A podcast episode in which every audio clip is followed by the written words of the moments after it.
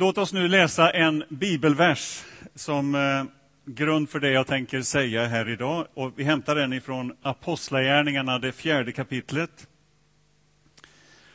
Och från vers 20. Ett uttryck, en mening som eh, du säkert kanske har hört någon gång. Apostlagärningarna 4 och 20, det är på sidan 779.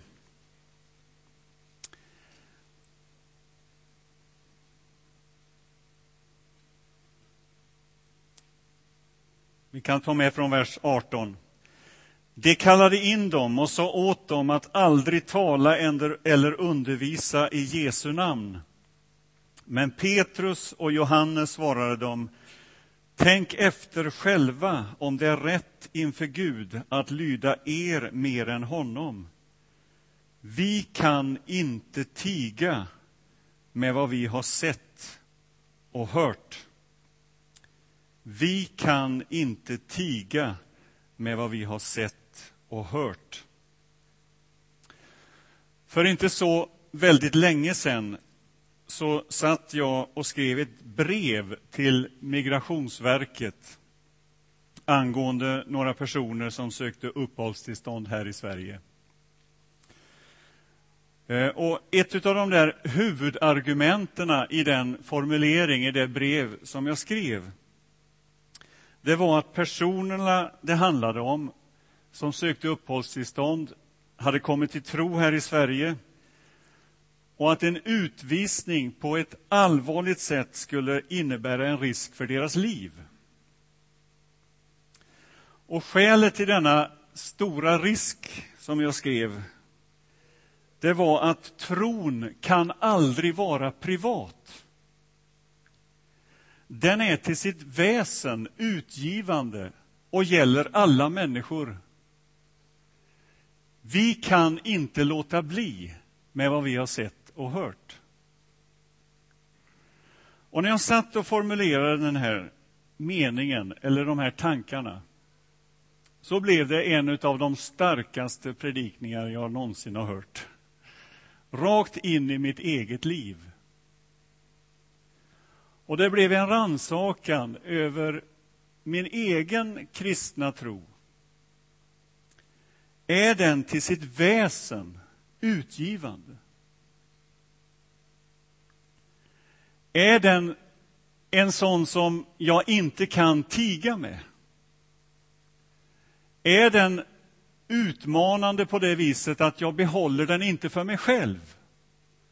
Utan överallt så vill jag dela med mig utav min tro. Och när vi planerade den här gudstjänsten så sa vi låt oss sätta rubriken med Jesus på stan. Därför att det är precis det det handlar om, att vi följer Jesus ut på stan. Alltså i de sammanhang där vi finns. Vi följer efter honom där han går, därför att han finns överallt. Han söker, han letar fram, han är hos den som är svag, den som är utsatt. Han älskar alla människor. Tron är visserligen personlig, men den är aldrig privat. Den gäller alla folk och alla människor. I en av psalmerna, jag tror det är psalm 24, så står det så här. Låt hela jorden höra hans röst. Och det har vi ju fått så understruket i den här gudstjänsten. Från Brasilien, Zambia, Angered, över hela världen. Låt alla folk och länder höra hans röst. Alltså, tron bör vara personlig och offentlig, men aldrig enbart privat. Att tron har en tendens att bli en privat angelägenhet, det kanske är det största hotet för oss som lever i västvärlden. Därför att en tro som är privat passar alldeles utmärkt in i vårt konsumtionssamhälle. Alltså att en, tron blir en konsumtionsvara bland alla andra saker som vi handlar, som vi väljer mellan. Jag har den, vilken har du? Liksom den attityden. Men att någonting skulle ha allmängällande kraft, så att säga, det är någonting som sticker ut, som går emot. Och i Bibeln, när vi läser den, och när vi läser till exempel här från Apostlagärningarna, som vi nyss gjorde, så är tron aldrig någonting man äger. Utan tron är alltid någonting man lever ut. Överallt. Jag vet inte om eh, ni har varit på badstranden redan i år. Eh, men om ni gör det nu framöver här, så försök att bära sand ifrån sandstranden en bit upp. Och gör det med knutna händer, alltså ta i så mycket ni kan. Och så ska ni se hur mycket ni har kvar när ni kommer fram till det stället där ni ska lägga sanden. Och den bilden utav att behålla tron på något sätt krampaktigt. Det blir som sanden som man försöker bära till ett annat ställe med knutna händer. Alltså, det rinner en ur händerna. Men att komma med öppna händer, ett generöst sätt, ett utgivande sätt, då blir det någonting helt annat utav det. Och det är så tron är. När vi ger så får vi. När vi välsignar så blir vi välsignade. När vi strör rikligt blir vi rikligt välsignade. Det är liksom en princip. Tron är aldrig privat. Tron är hela tiden att ge ut, att dela med sig. Låt mig få ge tre skäl till en generös tro. Tre skäl att leva ut tron frimodigt. Tre skäl till att ta med Jesus på stan. Tre skäl till att det är väldigt svårt att tiga med vad vi har sett och hört. Eller att låta bli att tala om. Och det första skälet, det är Guds kärlek. Så älskade Gud världen. Detta är själva utgångspunkten för Jesus kommande in i vår värld. Gud älskade världen.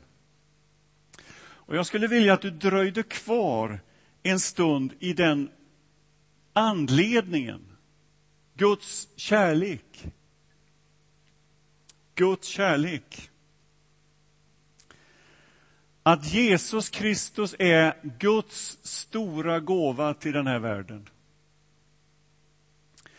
Det var ju så här att de första människorna skapades i tillstånd av fullständig orientering mot Gud. Det var liksom människan skapades för det, att leva i relation till Gud. Det var människans lycka. Det var människans livsorientering. Och denna gudsorientering innebar en harmoni med skapelsen. En harmoni med sin medmänniska och en harmoni med sig själv. Så var det tänkt. Det var utgångspunkten. Och så läser vi ganska snart i Första Mosebok hur någonting hände. Syndafallet som innebar att människan kom bort ifrån denna gudsorientering till en självorientering. Människan blev sin egen standard, lämnad åt sig själv. Och konsekvenserna av detta blev enorma. Genast så beskrivs det som smärta, som törne, som tistel, krig, egoismens konsekvenser. Och så spreds det runt jorden. Och räddningen består i att Jesus Kristus löser oss ut ur detta dilemma. befriar oss. Han tar konsekvenserna utav denna självcentrering. Han leder oss från självorientering till gudscentrering igen. Vi kommer hem, som Bibeln beskriver det. Vi finner vårt ursprung, vår tanke.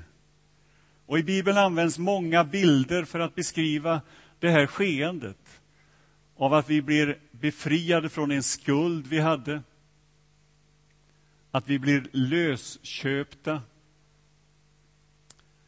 eh, och så vidare. Blir försonade med Gud, får tillbaka den värde, den kontakt, det ursprung som vi hade från början. Och när sen Nya testamentet ska motivera oss för det uppdraget i den här världen så tar det sin utgångspunkt i just Guds kärlek.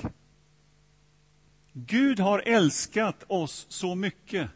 Han såg vårt dilemma, vårt öde. Han befriade oss, han hjälpte oss ur.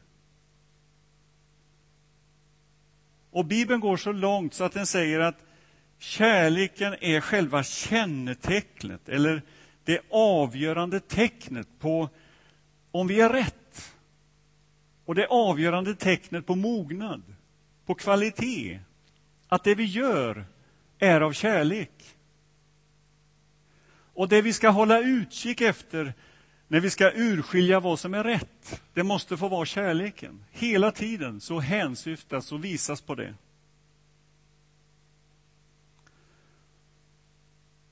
Och ingen redogörelse för kristen andlighet eller verksamhet är fullständig om den inte sätter just kärleken i centrum. Gud är kärlek. Och jag funderar på det här. Kunde det inte varit någonting annat som hade varit så att säga kännetecknet på allt det vi gör? Skulle det inte kunna ha varit något annat än kärlek som hade varit tecknet på mognad, på kvalitet, på framsteg? Det kunde ha varit till exempel verksamhet. Då hade jag varit ganska mogen vid det här laget. Eller om det hade varit aktiviteter.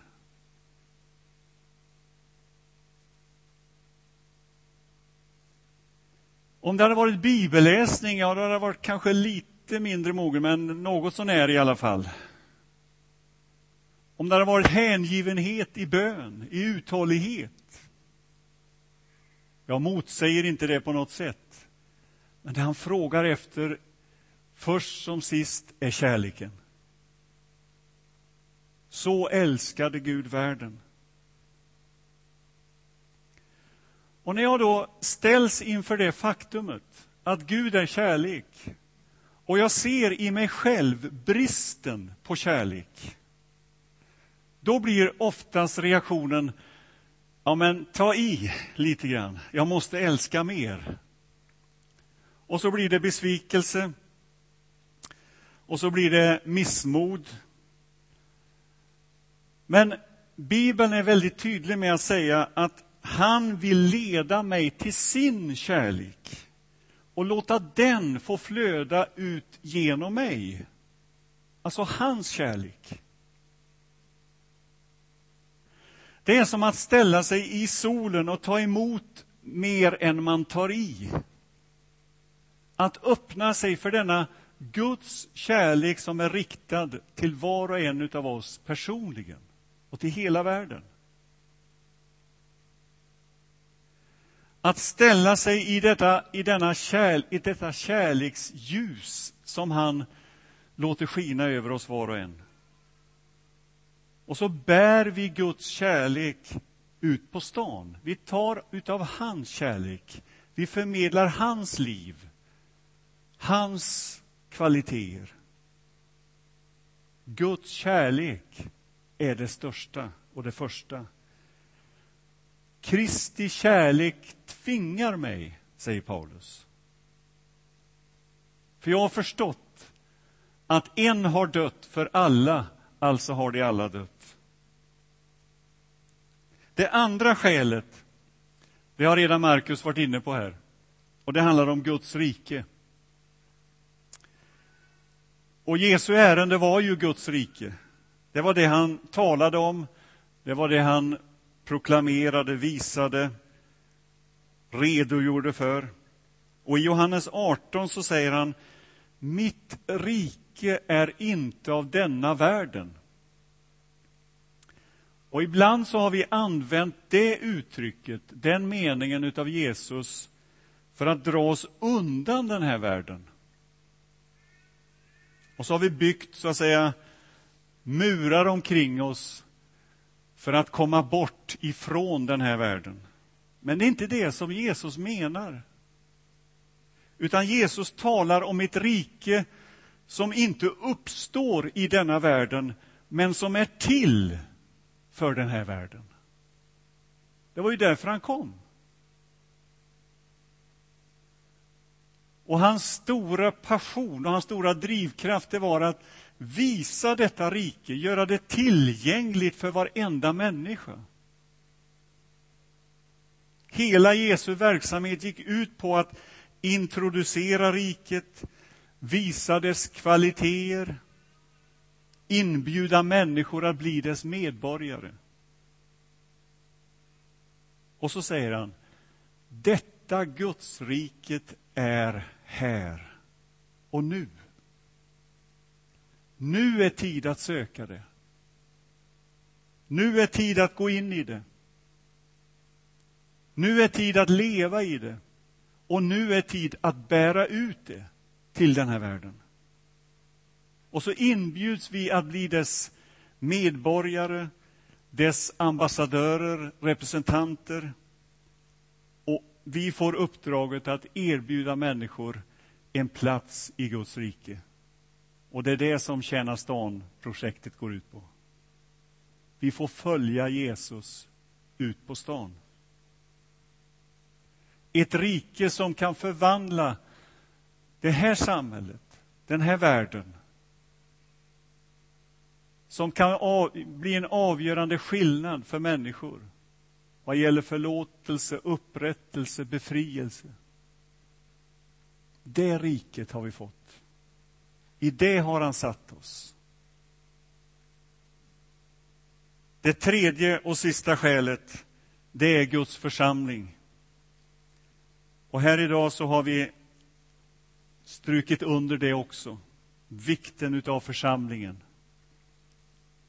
Vi blir en del, inte bara av riket, utan av Jesus och alla de andra som tror på Jesus. Vi blir lemmar i kroppen, där Jesus själv är huvudet. Och att tillhöra den kroppen är en förutsättning för att jag ska kunna växa och mogna till Jesuslikhet. Och det är ju så här. Vi tillhör inte församlingen därför att vi är lika Jesus, utan för att vi vill bli det. Vi vill formas. Vi vill slipas. Vi vill helgas, att bli mer och mer lika honom. Och därför behöver vi församlingen. Kärleken, riket, församlingen handlar om en och samma idé.